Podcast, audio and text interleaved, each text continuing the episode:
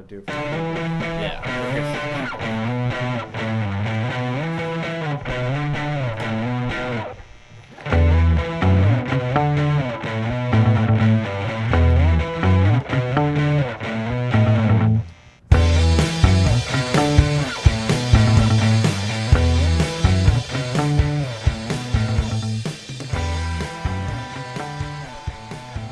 Pot of gold, everybody. Welcome back. We're a man down today. It's just going to be me and Mike in here. Schneid had some adult things to do. Had to be, you know, be a be an adult out there in the real world where we can just kind of do whatever, right, Mike? Yeah, I, I don't know if he's traveling traveling now. Last time uh, he was out of town, he was always in either Hawaii or California, California. Vegas, Something. Iceland. But uh, no, I think he's just still at work across the lake doing something dinner Yeah. party. But look, we're here with you guys. We're going to dive into the 07 National Championship season a little later. Going to do a little bit of recruiting, some fan questions that they ask everybody. Just snorting to the mic next time, Mike. Sorry, sorry. Uh, but before we get started, guys, hit us up on Twitter at pot of gold, pot of gold at gmail.com, patreon.com slash gold. We want to give another shout out to Primetime Podcast. They posted it on their site. We want to apologize. It looks like there was a little bit of uh, some internet connection issues on our, our end. So that's why you got a little bit of that dead space. But I think the best was uh, Cruton Raccoon on Yeah. Twitter said he liked to think we were just cursing up a storm and they had to edit it out. Yeah, So that's great. I like to think that too. That's pretty much what happened. Basically. So, yeah, so this episode, uh, we skipped out last week on our rewind segment. So, this week we're going to go back to 2007, a very important year. Uh, so, we're going to do that in a little bit. But first, uh, we wanted to go into some recruiting news and then uh, dive into some listener questions uh, that we got asked on Twitter. Uh, I guess we can start with recruiting. A lot of big news as the summer progressed with recruiting. And, you know, the biggest thing with that Orgeron was really building this fence around Louisiana. And so far, for this class, he's done a hell of a job doing that. But the biggest question mark was really the Tangipahoa kids, uh, specifically Amite High School. Uh, there's another kid in uh, Kentwood High School, uh, Palmer. Uh, so he's a wide receiver. You got the Amite kids. You got Sofser and Devonta Lee, uh, who are at Amite. Lee and Palmer are the two guys right now uh, that it, it's looking like it's trending to us pretty well. Um, that's the news that came out. Palmer, we've always thought was ours. Trey Palmer, big time wide receiver from Kentwood. Devonta Lee is a big time wide receiver from Amite uh, who's just an all-around athlete. Here's a guy that's getting recruited uh, as an athlete to Alabama to potentially play safety. Um, I think in the recruiting world, the games that they're playing, they're telling him he's a wide receiver, uh, but he can play on defense. He's a big-bodied guy. Um, I think LSU is going to give him that shot at wide receiver, and it's been an Alabama lean for a long time. But lately, from the inside sources, it's looking like Lee um, is going to commit to LSU. So um, that's not gospel, you know, but it's looking like Palmer and Lee could come together. Kentwood High wide receiver, Amite High wide receiver. We take two in this class because we loaded up last year with top dogs, and then we also had JaRay Jenkins, Keenan Jones. I mean, we, we had a big wide receiver class outside of the top dogs. This year, you're being very selective, and you, if you can keep the top two guys in state uh, and bring them in, that's huge. So that's one of the big news coming out right now. Uh, there was also some rumblings about Ishmael Softser, um, and I say Softser. Some people say Sopsher. Uh, I don't know yet. Nothing. I got Um, nothing. I think I'm going to go with soft, uh, like soft serve. Yeah. So uh, there's a deal though, kind of sketchy. Shay talked about it a little bit, where his brother is now a package deal. So the recruiting, it, it- almost like Leonard and Leonard, for Fournette, right? If you want Leonard, you got to come with Leonard. Um, you're gonna you're gonna waste a Scully in a sense. Um, but it's not a waste if you can get one of these guys. I mean, Well, you, and it's not the first time. We've had guys who say, "Well, if I'm not playing with my best friend, then I'm going somewhere else," and then they end up going different schools Sure. because no one's like, "Yeah, I'm not giving this guy a scholarship." right, and, and but in Leonard Fournette's case, Oh yeah, you, you, him. completely make that you you make that risk. You you I mean, it's a sacrifice I that think you we, have to make. yeah, I think we promised a Fournette child also a scholarship, Sure, and you that's know? absolutely worth it. Uh, Softser, on the other hand, Uh, I don't know if he's at, on that level of a Leonard Fournette where if you don't get him, then you know all hell breaks loose. It's a very important recruit. Um, I think that Ed would make this sacrifice, and I think he is. I think he's recruiting the brother Rodney um, to be on the team, and I, th I think I read a lot about people saying, well, what you know, what happens if you know they both commit, and then on signing day he goes to Bama and we get Rodney? It, it doesn't That's work. not that how. way, Yeah, that's you know? not exactly how it works. that letter of intent is not going to be ex is sent out to him until we get Ishmael. So oh, weird. Our fax machine broke. Right. Uh, we'll catch you later. Yeah, so I hope they're not listening to this, but that's kind of how it works. Uh, but I'm sure LSU would love to have both of those guys in this class, and if, if they want a package deal, we're going to have a package deal. Yeah, you know, absolutely. we're going to take both of them. Um, Yeah, something else that I saw, a lot of crystal balls seem to kind of be changing for Emery, and I know that's a guy that we've talked about a lot on this pod of where where does he fall, where is he going to go, and now all of a sudden everything seems to be trending LSU. Is there any like news with that, or what's going on I don't know that what, situation? what the news is. Um, you know, I think that's just the crystal balls is the news, and right now on on twenty four seven, um, that is the go to. And there's certain people that put in these crystal balls. You know, you've got the typical, the normal LSU Joes that really hope and pray that we get certain recruits, and there's always crystal balls. But when you got guys from Mississippi State. You got guys from Georgia, the two biggest threats to Emery going to LSU, putting in crystal balls at the last minute to LSU. Eyes start open and they're like, wait a minute, maybe LSU has a bigger chance. So the percentages, the the percentage chance that LSU had went from like an 18% LSU, um, you know, very high percentage to Mississippi State, somewhere in the 80s now all of a sudden it's it's looking 75 80% LSU it, it just it it flipped pretty quick. So I don't know if there's inside news coming around but this is the the point of all this of why this is kind of exciting is because all of those guys we just talked about except for Ishmael Softer um, said they want to have this done before their season starts so we're looking at within the next month um, these guys are going to commit somewhere. And if you can get Devonta Lee, Trey Palmer, and John Emery to commit to LSU before their season starts, wow. yeah, and then it's just we got to perform well enough to hold on to. To hold it, that's the biggest question mark. That's the biggest thing. Um, some people are talking about on Instagram. They've got this new thing, ask me a question on Instagram. So it's like their story mode, and it says ask me a question, and fans are just blasting players, you know, and they're just sitting there responding. It's just a open forum of questions. And someone asked uh, Marcel Brooks, one of our top linebacker commits, would you stay committed to LSU um, if Ed Orgeron's fired? And he was like, well, that's the biggest question for everybody. You know, that's how he responded. It's like, well, we'll see. Yeah, and I mean that's fair. I Sure, mean, you know, absolutely, it's fair. Um, I, I think I, I'm trying to remember.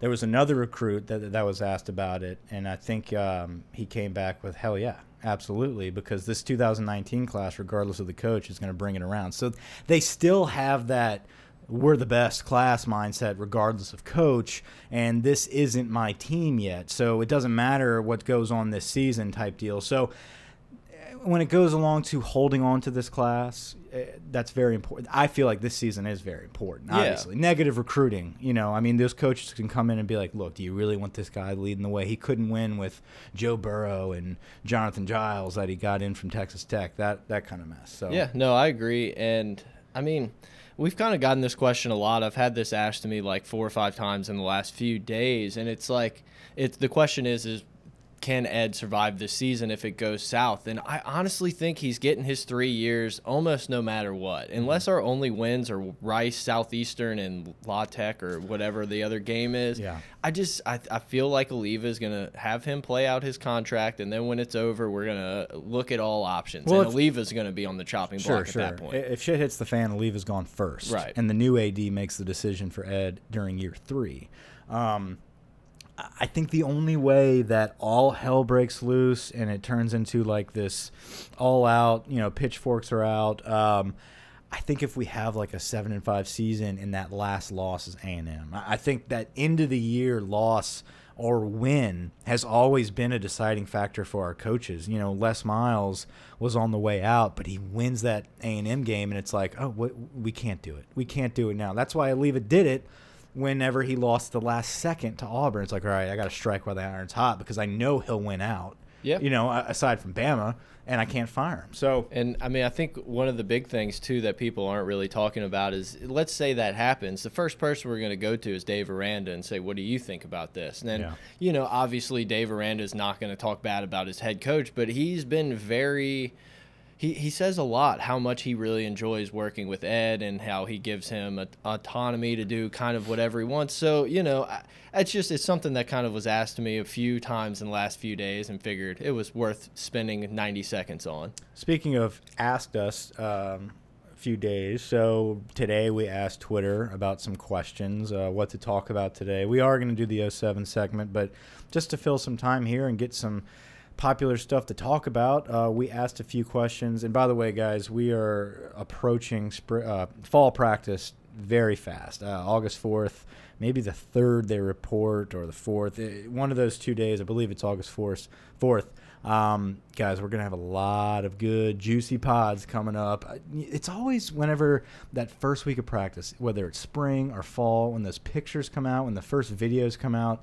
Man, I can't wait to see Burrow throwing the football. I, Oh, we yeah. haven't seen it. Everybody's wondering if this is a, if this is some joke that they're pulling on us. Is Joe Burrow even on our team? We don't know. Oh yeah, a year ago we were so stoked to see Matt Canada in a straw hat. I mean, we went nuts. and I mean, it's like times We're drooling over Burrow's family wearing Burrow T-shirts. You know, it's great. But it's the perfect time because there's nothing but like optimism at that point. Everyone's looking good, everyone's healthy, and it's Yeah. like here we go. Let's it's you know we're going 12 and 0 this year. Why not? Right, right. So we're we're a little around a week away, a little over a week away. So I, I can't wait. We're getting there. So let's go to some of these questions. Yeah, let's jump through a couple of the questions. See, you know, we might take a few too long on one too many, but at Joseph Light 13, he hit us up. Big fan. He said, "Why are Miami fans so confident they are going to win? Why do they think they can replicate the lucky turnovers from last season? Why are they so confident in their QB?" I had a guy argue with me that Miami has more talent than LSU. I, oh, well, the the simple answer here is we had a bad season. We on the uh, okay. Look for LSU fans that digest every day what happens within our program. It's easy for the month of July to get to you and understand our depth chart, our new transfers, uh, the potential we have at LSU. So we're very confident. The same goes for every other team. So Miami right now is licking their chops because not only are they knowing their depth chart, know who they have that we don't, they had a hell of a run last season for the first time in a long time. So they are trending up. Even from the outside looking in from a national perspective, they are trending up. So for them, they are very confident and rightly so. They they proved it on the field last year against a big Notre Dame team that we lost to, but they beat the hell out of on national TV. Um, I'm I'm not I'm not that worried about Miami. Um, I, I think Malik Rosier, I, I think is how you pronounce his name. I think he's an overrated quarterback that we can rattle early. Um, he's not one. He's not the best quarterback we're going to see. We're going to see from uh, Tua. We're going to. Uh, Stidham. There's so many good quarterbacks we're going to see. I think Rosier is the, the worst out of those that group. So um, I think he's a little overrated. But the point is, they've got a returning starter at quarterback. They're confident. They've seen their guys play. We haven't. Yeah, and uh, this kind of got discussed during the primetime podcast uh, interview, and I, listening back on it, I kind of wish we would have jumped into it a little bit more. And I mean, now here's the perfect opportunity, but. Miami fans, just like us, just like LSU fans in the offseason, you're living in the bubble. And all you can do is talk yourself into how Drake Davis is going to have the breakout year and Jacob Phillips is going to be the best linebacker in the country behind Devin White. And it's like, yeah, we you know, you talk yourself into all these things just like Miami fans are saying. Look at the year we had Mark Richt, he brought the turnover chain in. Everything's going the right way. Yeah, we beat the crap out of Notre Dame who bullied LSU around. It's like I, I can see where they believe it and you know it's easy for us to say because we've been talking about all these LSU kids for multiple years going back to their high school days a lot Yeah. of these guys and it's like no we know they're going to be good guess what? A lot of these Miami fans are saying no he was in Coral Gables. You know he played down here. He's awesome. He's going to be a Right. stud. He's the next Ray Ray Armstrong. So uh, you know why they're like we're confident. There's no reason why they shouldn't be confident. LSU didn't blow the doors off anybody last year. Yeah. so I can kind of see it you know? I understand their confidence. Um, I, I I don't agree with the cockiness of they're going to beat the hell out of LSU. Yeah, no. I, I don't think we're going to beat the hell out of Miami. I don't think we're going to we're going to wax them. I think we win that game. I think it's a battle, but I think we win that game. Um, yeah, so I think it's kind of short sighted to think that they're just going to destroy LSU. And I think the national media, uh, as a majority, believes that Miami's going to beat LSU. So uh, anytime LSU's backed in a corner against an opponent that they're kind of level with, I like our chances. Yeah, no, I completely agree. I'm I'm I'm high on LSU this year. I don't think Miami's going to be the stud team that they looked like. You know, they lost 3 in a row to good to average competition. They really didn't give Clemson much of a fight. Which, yeah, they got you know, worse as the season went on. Yeah, and I mean, as their schedule got a little tougher, but you know, they beat a Notre Dame team that we struggled with. I just man, we just look around at all these guys and we look at Dave Aranda and what he's going to do on defense, and it's it's just hard for me to say, yeah, that team's going to score 28 on us and beat us. Right. It really is. So Lamar K. Stevens. Lamar K. Stevens. Mike already knows at F22 pilot. I don't. I don't have an answer for this one. Why isn't Greedy number seven? You know, when I read that question, I was kind of like, yeah, good question. Yeah. I mean, I, I don't know. Uh, I think the bigger question is why is Giles number seven? I don't know if like whenever he was transferring, he's like, I wear number seven. That's just um, kind of how it is. I, you know, and I think it just shows you that the emphasis that we, that fans, like the I don't know. I, I, just don't think it's as big of a deal for the players as it is the fans. I think if this was five years ago, it might have been different. Um, I mean, Leonard Fournette was promised it from day one before he was recruited. There was an obvious like pass down from Pat to Tyrann, and then you had the next local New Orleans boy coming up that was just you know Booga was the guy. Yeah, and he, he was number he was seven number before. Seven. Yeah, but when in ninth grade, yep, yep, that's number seven. Yeah, and so Chark it was the best wide receiver, the best playmaker. So maybe Chark was the first time it was kind of like, yeah, I mean, he's good, but he's not Leonard Fournette. He's not Matthew. He's not Pat. There wasn't the obvious pick. Right. And I think now it's like, it's a wide receiver thing, maybe. It's a it's right. a playmaker, maybe. And there's a lot of unknowns on our team on the offensive side of the football. I mean, if we, if it had to stay on the offensive side of the football, who would you give it to? If if, it, if Giles wasn't here. I, I, I, got nothing. Nothing. So um, for him to come in in the springtime and be a leader immediately, maybe the guys were just like, yeah, I mean. I think 18 is a bigger deal in the room. In the room, it is because the coach awards that. I don't think anyone awards seven. I think it's just like, yeah, this dude's a dog. Let him wear seven, which Greedy absolutely would have rocked seven. I think that's awesome. It would have been cool to see it, but I don't think they cared. I think it was more of, I'm 29 I think he's 29, right? Yeah. Uh, I'm I'm number 29. This is who I am. This is my number. It is what it is. You know, if if anybody, I, I think Devin White maybe, but I think Devin White might end up wearing 18. So I don't know. Um, that's a good question. Um, hopefully, that's a testament to how good Giles is going to be. Yeah, I mean, you know, like like Mike said, it just feels like the number seven's almost more for us now. You right. know, it's like we care way more than the players in the room because I don't know, these kids were in middle school when Pat was at number seven. You know, they were in junior right, high right. and everything. So one of the the next few questions, they all had something to do with Auburn and mm -hmm. like, you know, why is Auburn getting so much love and LSU's not getting the love, you know? And that was just kind of the overall point of the questions and it's like I don't know. Probably just because they have Stidham coming back. I mean, honestly, yeah. they're returning some guys on defense. Yeah, well, like the basis of the question was kind of get to the point of is last year's team better than this year's team, or do you think this year's Auburn team is better? You know, um, I think it's tough to say because I really think Kerryon Johnson carried a lot of that team when Stidham was not in his groove yet. I, I think they relied very heavily on their running game, which they're not going to have that talent at running back coming back.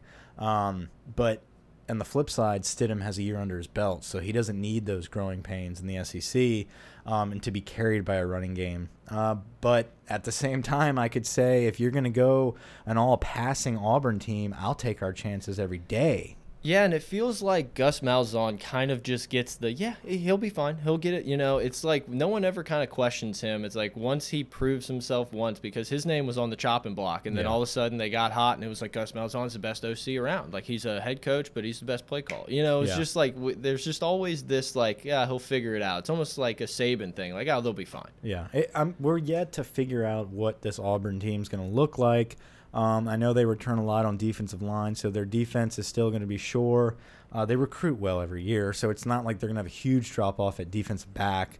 Um, Well, and they're going to be mad. They they felt like they gave that game away to LSU, and they should have been. You know, I don't. It's like they were. They should have been the cream of the SEC, and I they mean, they beat lost. Bama. To, yeah, You know, I mean, like th these guys have rose to the occasion at the end of the season in the Iron Bowl, Iron Bowl multiple times when they were the underdogs. and they so- beat Georgia, Alabama, and lost to LSU. They Mm-hmm. got to be thinking like, how did we give that one away? Because we could have lost and then gotten in the title game Right. most likely. They had to play them. Point. They had, they had to play Georgia twice, right? Yep, they Yeah. played Georgia in season and then lost to them in the title game. So uh, that's a very good team, and but if you look back at those games, man, I think Johnson was the difference maker, and they don't have that at running back anymore. So um, they're going to have to find ways to See, run and, downhill. And Auburn fans are just like LSU fans, like, oh no, they, we got Clyde Edwards Sure, Hilaire. We're sure. fine. We're good. yeah, exactly. So, like I said, it's yet to be seen. I don't know. I can't answer that. Uh, but if I had to make an assumption, I would say all around last year's team was pretty damn good for Auburn. We'll see if they're going to be better, but that's a tough standard. I mean, they they won the West, so we'll see. Yeah. So, guys, look, we're just about to jump into the 07 rewind. Hit us up on Twitter with your questions, feedback, anything you got. Rate us on iTunes, four star, five star, no star. Uh, on Twitter at pot of gold, pot of gold at gmail.com, patreon.com slash gold. Before we jump in, just want to give a quick shout out to my main man, Tony T. He's left, uh, he worked with me for three or four years now, and he's moved on to a bigger, better job. But he's as big a pot of gold fan as anyone in the world. So just wanted to give him a shout out. I know he'll be probably listening on his morning commute. Thrilled. tomorrow. Yeah. Thrilled. Good job. Well, okay, 07. This is our last national championship that we won. It was not was not our last appearance, um, but it was the last one we actually brought home. Uh, this was Les Miles' national championship. Les Miles, probably his like craziest year also. Craziest year of college football for Right. everybody. Um, but this is uh, I- feel like this is the the highlight of Les Miles. You know, he had 05, 06, and then 07. Uh, he he really you know capped it off with a national championship. He was a top coach. I mean, there was it was crazy less, but it was crazy less that everybody in the country would probably take. Yeah, You we've know I talked mean? we've talked about it the last couple seasons. I mean, they were winning 10 and 10 11 games in these seasons and just kind of barely outside of the national championship picture on the Every year. outside looking in. This year they came in as hyped as ever, even with guys like Jamarcus Russell leaving and stuff Yeah. like that. You had Glenn Dorsey who won every defensive award under the sun. I mean, this team was loaded, but it was it was just like all the other ones. It really was. I mean, this was very similar to the 06 t- uh, season where you lost a couple games. We just got completely lucky that everyone and their dog lost also. Yeah, and the two losses that we had, my God, triple overtime in both of them. Both of them, the teams that are usually bottom dwellers, Kentucky and Arkansas. Kentucky Arkansas. was okay. Kentucky was okay. Arkansas was good. Arkansas was not like rated high or anything. They lost a bunch of games, but I mean, they had Darren McFadden, they had Felix Jones and Peyton Hillis. I mean, you know, same cast of characters. incredible. Yeah. Incredible. They've been playing that game on. Uh, I think it was either yeah SEC Network or ESPNU. They do their rewinds, and man, watching that game was a heartbreaker. But it was also eye opening to watch. Just the depth that we had everywhere, man. I mean, Keiland Williams would come in for a few runs and just look like a bulldog. It was fun to watch. Um, but this season, uh, we you know we finished number one. We won the national championship. Overall, 12 and two record. Uh, Les Miles head coach Gary Crowton in his first year as offensive coordinator, taking over for Jimbo Fisher, who left to be the OC at Florida State and coach in waiting. Um, defensive coordinator is the third season of Bo Pelini. Uh, let's see, Tennessee won the East that year. Uh, Georgia was a good team in the East. This was like kind of the coming out party for Matt Stafford, Knowshon Moreno, guys like that. the East was pretty strong. You had them. Let's see, Tennessee won the East, which was Fulmer's not his last year, but I think it It was. was towards the end. He was Towards the there for a little bit longer. uh, you had you had uh, Tennessee, you had Georgia, who was really good, and then you had Tebow at Florida winning the Heisman. Right. Yeah. Uh, so let's go through this season here. We started off uh, the season Mississippi State blowout, forty-five to nothing, as usual. Mississippi State. I remember that that was the game. Yeah, you were just like, oh, okay, like we might be like really, really good. I just remember Craig Steltz like murdered people a few times in that game and stuff like that. Um, And then we had Virginia Tech, who came in as a really good team. We had gotten beat from them a few years earlier to open the season, and LSU just kind of put it on them. Well, you know, Virginia Tech had just gone through an, like a massacre at their school. It was a terrible time oh, yeah, for I forgot them. about that. Uh, they had the school shooter at Virginia Tech, and the whole nation was in mourning about that. So it was kind of odd. I remember going to that game and thinking, like, do we boo them when they run on the field? Do we not? And the entire stadium actually clapped whenever Yeah. they came. There was no boos. There was no FUs. You know, screw Virginia Tech. I believe everybody's helmet had a VT across the nation. The rest of the season had a Virginia Tech logo on their helmet. So um, big time for them. But they were a very good football team. You know, uh, all that stuff aside, this was a huge game. Um, Well, even with the loss to LSU at the end of the year, they were towards the top of the BCS rankings. Yeah, I they were a top ten team the whole year. Uh, so, but we beat the hell out of them. We beat them forty-eight to seven. It was a blowout. Um, the highlight of that game that I remember was definitely Keiland Williams' big run. the jump. The he, jump he run. hurdled them. Yep, those calves. right down the right sideline, he jumps them and cuts across the middle of the field. That was a beautiful game. Uh, you know, blowout Middle Tennessee, South Carolina was a fun game. That's this was a fun game. Um, I, I believe this is the one where we saw Trindon Holliday break a few big ones, man. Well, we also saw this was the flip over the Yeah. shoulder fake field goal. Yeah, Fake field goal, Lesticles. This is yeah. I mean, you know, it's it happened before, but this season was just the definition of like the Les Miles balls. Yeah. I I feel like he almost was like, I got to do it. I got to do it. Like, we have to win this year. Because I've been so close the past two seasons.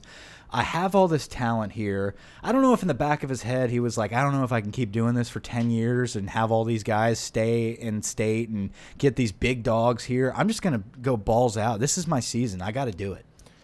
I just I don't know. I have no idea what goes on in that man's head. Who I don't knows? think anyone does. Anyway, Tulane the next week. And That then was when we wore those sweet purple we uniforms did. in the dome Wh- with white the white helmets? helmet. Yeah. I think that game was kind of close in the beginning. I Oh don't, yeah, it was. I, yeah, yeah. so 34-9 we finished that off but then the next week uh, was the big one this was probably les miles' best game I, I think if you if you sum up less the less miles error, if you could just go back to one game with the excitement the downhill running the defense uh, you know playing a heisman trophy winner it's florida it's lsu it's home saturday night in death valley this was the game Yeah, no, I agree. I mean, this was one of those games. I mean, what was it? Five, five times on fourth down they converted. Yeah. I mean, Jacob Hester was just the the guy who saved the day time after time. Um, I, I just yeah, Michael Michael's trying to get the clip up right here, so I'm gonna filibuster just for one minute. Um, No, it was a crazy game. I remember Tebow. Uh, I, I believe he was doing the the call me in the stands. I couldn't remember if it was that that year or the next time. might have been I think it was time. 09. He's probably the type of guy that would do it multiple times. Probably. I know. I, I remember our freshman year, whenever Georgia was doing that. Stafford and Knowshon Moreno were doing the call me. That must have been a big deal back then, getting the cell phone numbers. Um, but this was a game that had that call. It was a Hawthorne call um, that everybody remembers. Um, the image of Jacob Hester reaching the ball across, just diving forward. You'll be able to see it when you're listening. Like I, you know, the first time I watched this, I was actually taking a nap, and I put on the YouTube clip of it, and I was falling asleep to listen to Jim Hawthorne call this, and I just, I just sat there with my eyes closed and listened, and it was like I was watching it. It was great. These were the exciting moments that defined the season, defined Les Miles' era, and that we miss as LSU fans. It's not always about the record and winning. It's about getting it on fourth down. It's about guys, you know, getting that extra yard against Florida that we didn't the Yeah. past couple of years. Yeah. It's it's No, just you're these right. moments You're that you miss. At the same time, it's like LSU beats on beats Georgia, beats Florida in these like tough games, then we lose to Arkansas and Kentucky. Like that's typical. That's like, very Les typical Miles. You know, it's like we'll be at the highs of the highs or the lows of the lows. Undefeated in regulation though. You know that's right. Florida loads up at the line of scrimmage. Third and goal at the two and a half. Flynn under center. Hester straight ahead. He is in for the score! Boy, oh boy, what Holy cow. great bit of blocking up front. Boy, and that's the kind of play that really creates the personality of your team. Jacob Hester just unloaded when he got the handoff right at the hole. He Tell you what, he, he has uh, used himself up on this drive. He gets so excited. He doesn't want anyone else talking in his no, booth. I want to see his reaction in the booth. Like I, I, I imagine him flipping his headset off, like, "Oh my god!" and as like the, you know, get, who was the other guy? I, I, I was trying to. Is it oh, Alan? Um, I, I just blanked on his name. we'll edit this. It's not Risher, is it? Is that him? I No. feel like he came later. As the other guy's trying to talk, you've got Hawthorne just going over him, bellied over, just oh my god! It's like he has no, he doesn't understand that that he's trying to you make a make a comment here about how good Jacob Hester is and what's actually going on in the game. It's almost like he's got to catch his breath in the back as he's still screaming, comes back and starts talking. Um, so that was the Florida game. Um, man, fourth down, man. We we did that at, with one minute left Yeah. to pull ahead. Um, and then we come back with Kentucky, where we lose in triple overtime, forty-three to thirty-seven. Yeah, game we outgained Kentucky. We had less turnovers. Like everything kind of pointed to LSU being the better team in that, and it just kept going to overtime, and LSU just kept making you know not the right plays and lost the game. So I guess you can go. You're you're number one, number two, bouncing back and forth all year. You got that you know amazing victory at Florida, and then you lose in triple overtime to Kentucky. So the morale of that football team had to be down, right? I mean, you got to expect not the wheels to fall off, but just well, we're done. But yeah, it's almost more of a reality check. It's like, oh, we we are not just gonna beat up on everybody this year. You know, we got by Florida, and then we lost to a team that's just nowhere near as talented as us. But then you had to bounce back. You had to make the comeback against Auburn, who is also a good team. That's always a big game. You know, it was nice. All these games seem to be at night. Yeah, absolutely. This is an 8 p.m. start. Yeah. Um, so this is a night game against Auburn. Um, crazy, crazy game, 30 to 24. So uh, we had to, we had to score.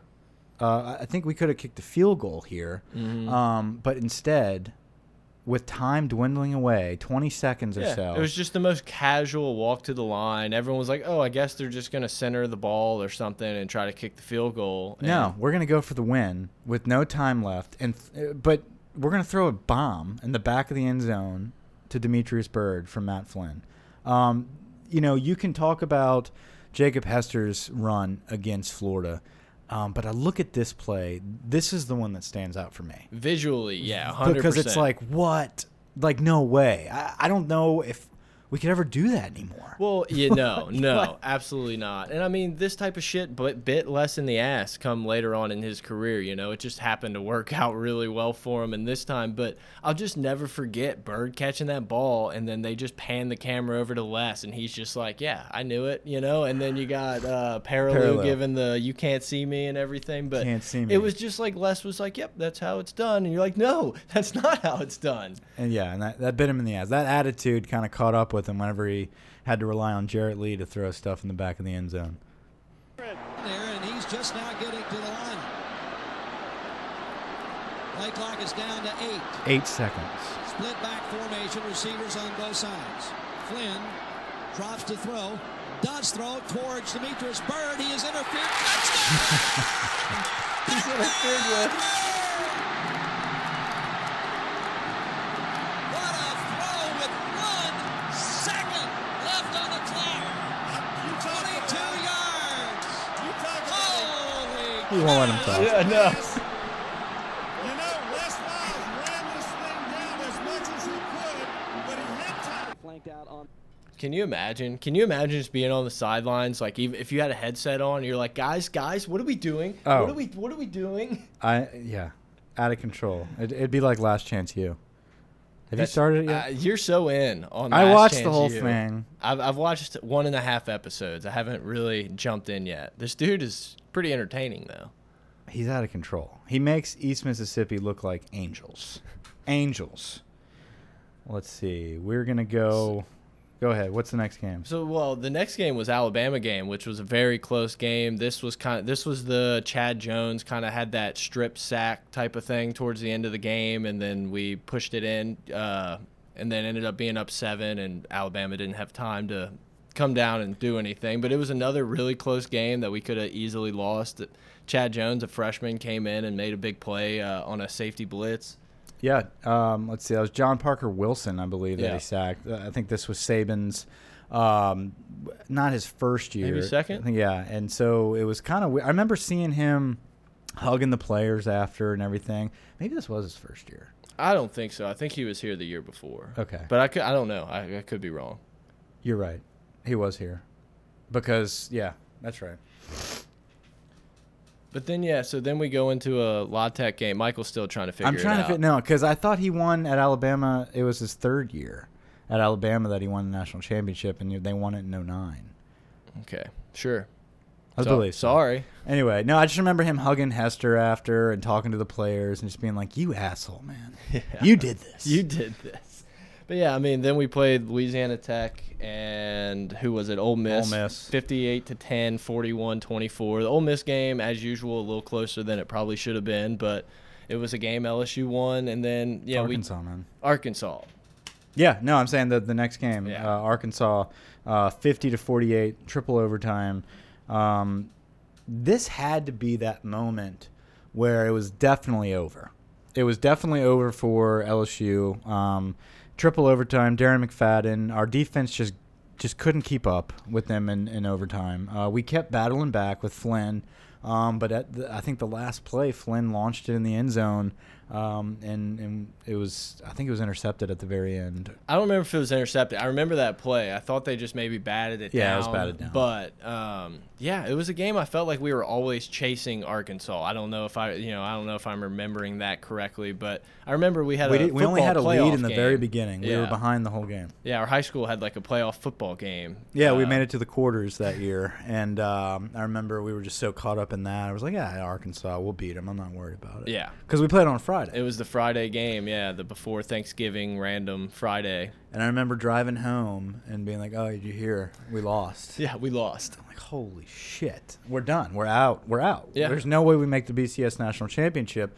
Of course, chaos ensued, and LSU fans could never have predicted what was to come. Yeah, I mean, the number two team in the nation lost seven times this season. Uh, number one and number two lost on three, uh, lost on the same day three times throughout the season. If you remember back, this was when West Virginia had Pat White, and they were just kind of rolling on offense. Rich Rod had them going, and it was pretty much like they're good. They got Pitt, Dave Wannstedt's last game at Pitt, most likely. They're terrible. And then somehow Pitt comes out and gives you the best game of their lives. They get a W there. There's some things that go on. I know it sounds weird, but Kansas was ranked really high at this point. Did they Can- have Puka? Oh, sorry. no back then. No, I'm just kidding. he's still on the team. I I don't know. Did he make Uh, it? Did he? I have no idea. Oh no, let's check that ACT score. Um, but you know, them in Missouri, Oklahoma was in the Big 12 championship game, kind of knocked out all of them. And Ohio State had played Michigan a couple weeks before, and they were just kind of hanging out, thinking they were going to hit up the Fiesta Bowl or something. All of a sudden, this chaos on the last day, just everything crumbles. So you had Ohio State and LSU. Well, I guess Tennessee game happened before all of this. Yes. So But the the SEC championship, I mean, that was a big deal for us to jump back. Yeah, absolutely. I mean, it was definitely a big game, and we thought, you know, we I don't. I was pretty sure we were just like, yeah, if we win this, we'll probably just go to some random BCS bowl and be fine. But of course, All in the meantime, there was chaos with Les Miles. Right, Kurt- Thinking he was going to Michigan. yeah, Herbstreit hops on College Game Day and says it's like all but a done deal. And then, of course, you know what happened after that. Coach has gathered at Atlanta. The news conference is ready to start. That was so cheesy. they Greeny. Their microphone checks. We will go down there live for Les Miles. misinformation uh, on ESPN, and uh, I think it's imperative that I straighten it out. Um, I, uh, I'm the head coach at LSU. I will be the head coach at LSU. I have no interest in talking to anybody else. I got a championship game to play, and I'm excited about the opportunity of my damn strong football team to play in it. And it's really all I'd like to say. It was unfortunate that I had to address my team um, with this information this morning, uh, but that being done, I think we'll be ready to play. There'll be no questions from me. I represent me in this issue. Please ask me after. I'm busy. Busy. Thank you very much. Have a great day. Les. Honestly, I think that's the moment for Les right there. Even though LSU had been ten and two and everything, I th I still think everyone was still like, Les is kind of a goon. Like, what is this dude? And then he was like, that's our guy. Boom, that's Yeah, it. He's here him. forever. We love him. So he wins an SEC championship With Ryan Perrilloux, Yes. Flynn sat that out. We needed a Jonathan Zenon pick six to kind of seal that game. Man, I remember that. I was selling Christmas trees. I was in high school. It was our senior year of high school. I think we were on our break uh, Yeah. selling Christmas trees. I was listening to the game on the radio um, because I had to work that day. And I was throwing Christmas trees on top of cars, strapping them down, be like, turn it up, Zenon. Yeah, it was fun. Um, but we all know we met up with Ohio State in the national championship, Superdome. Wonderful game. Blow 'em- We blew them out. Yeah, I, I mean, mean, the it score ended up being a little closer, but LSU, the beginning of that game, Oh, Beanie Wells, man. Yeah, Beanie Wells breaks off a really long run. I think he scored on it. If not, they scored on that drive. But um, Ali Highsmith, beautiful, yeah, beautiful. but I mean, dude, for the first quarter, we were like, "Oh shit!" Uh, Yeah. And then kind of the snowball started coming, and it was like LSU's the freight train. Look out! Congratulations to both of those guys. It's- It's down to 38 seconds now. One more snap, and the Tigers are the 2007 national champions. For the second time in four years, the Tigers have won the national championship right here. Flynn on his knees, that'll do it. That'll do it. Tigers rush the field. Jim Tressel walks out looking for Les Miles.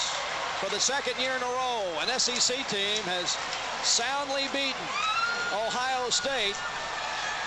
And congratulations to this great LSU football team and the Tiger coaching staff and all the Tiger fans too. This this one was for everybody.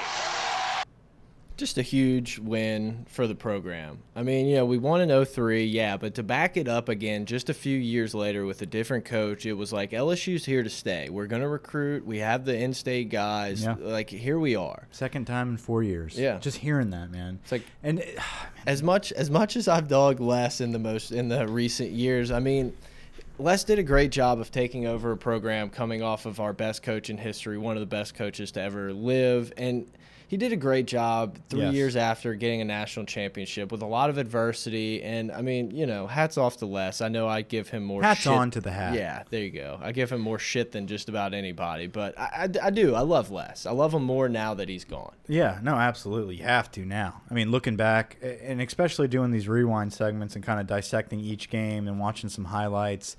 I mean, you know the basic ones, but there was just we had Les for so many years. I mean, whenever we were at LSU as students, we had Les. Even after we were finished school, we had Les. Before, while we were in high school, we had Les. It's like you, you had Les for so long that you forget the glory days because it got so bad at the end. It, it I take that back. It didn't even get that bad. It just got to a point where we were tired of it. It was time for a change. But Well, and we wanted we wanted him to be the guy that made that change, and he was seemed to be unwilling you're right. to do it. You're right. And and that's the thing. It wasn't about Les. It was the goofiness and the quirkiness, but we were losing. And so it was just we got sick of it. People were tired of I'm tired of having a joke of a coach and losing. Let's do something different. Now, people will say, "Well, you got the same thing now. It's just even worse." But at the end of the day, it, it's still. I mean, hell, we're we're not going to get into Ed Orgeron right now because he's Well, had but one those two year. things are He's totally had one year. Uh, Les Miles came in during the epitome of LSU football and carried us for many years. He really did. He could have easily came in and just shit the bed, shit the bed from the get go. Lost to the team. Um, they could have quit on him. They could have given up. But he inherited a group of players that were not going to quit regardless. And he overcame, overcame some things. And then he bounced back in 2011. He went undefeated, man. Yeah. He went undefeated until the national championship. And that was the defining season of Les Miles because he did lose it in the end. In typical Les Miles fashion, he blew it. But he carried those guys. Yeah, I mean, in in that 2011 season, it was it was a lot different than this one. We beat the shit out of everyone not named Alabama. Yeah. I mean, like Florida rolled in. all his guys. Yeah, and I mean, I know that you know Florida had quarterback issues and stuff, but it was like Florida rolled in. Let's beat them by forty. Auburn rolls in. Let's beat them. I just remember we would always like look at the lines and like you know online and stuff. It'd be like LSU minus fifteen, but our local lines would be like LSU minus eighteen, and we're just like shit. That's so many points. We're like screw it. Let's just bet LSU, and it was like the easiest cover. Yeah. It was that we just beat the shit out of everybody. And, and it really was those years. And then, I mean, I know we're going to go into the, to the seasons later on in a couple weeks, but you look at 2012, you look at 2013, you're a couple games away from maybe being in, not 13, but 12. You're a couple games. I mean, you're a Yeldon screen pass away from potentially playing Notre Dame in the national championship. I mean, Les Miles really did a hell of a job up until about 2013. Yeah, and then the wheels started falling off. And we understand what happened. I think it was time to make a change. He didn't want to make a change on offense. He made a hell of a hire with Dave Aranda to, to shore up the defense. He just never came through with the quarterbacks and changing the offense. And that's what was his demise. But whenever he had it rolling in 07, winning the national championship, great defense, awesome offense. Gary Crowton. I mean, we don't talk enough about Gary's first year at LSU winning that national championship. What he did with Matt Flynn and Ryan Perrilloux was incredible. Yeah, he did a great job. He did. He almost was kind of ahead of the game. He was very Yes. shotgun and like Oregon. let's yeah, let's get our skill position guys the ball in space and you know, I, you know, obviously we're going to go into it probably next week with 08, but our offense was fine. Jarrett Lee threw too many pick sixes and we had a really bad defense in 08. Yeah. You know, it wasn't really Crowton's fault, but after that 08 season, the handcuffs went on Jordan Jefferson, uh, you know, the handcuffs went on Crowton. Yeah. You know, not the shoe gate or anything like that.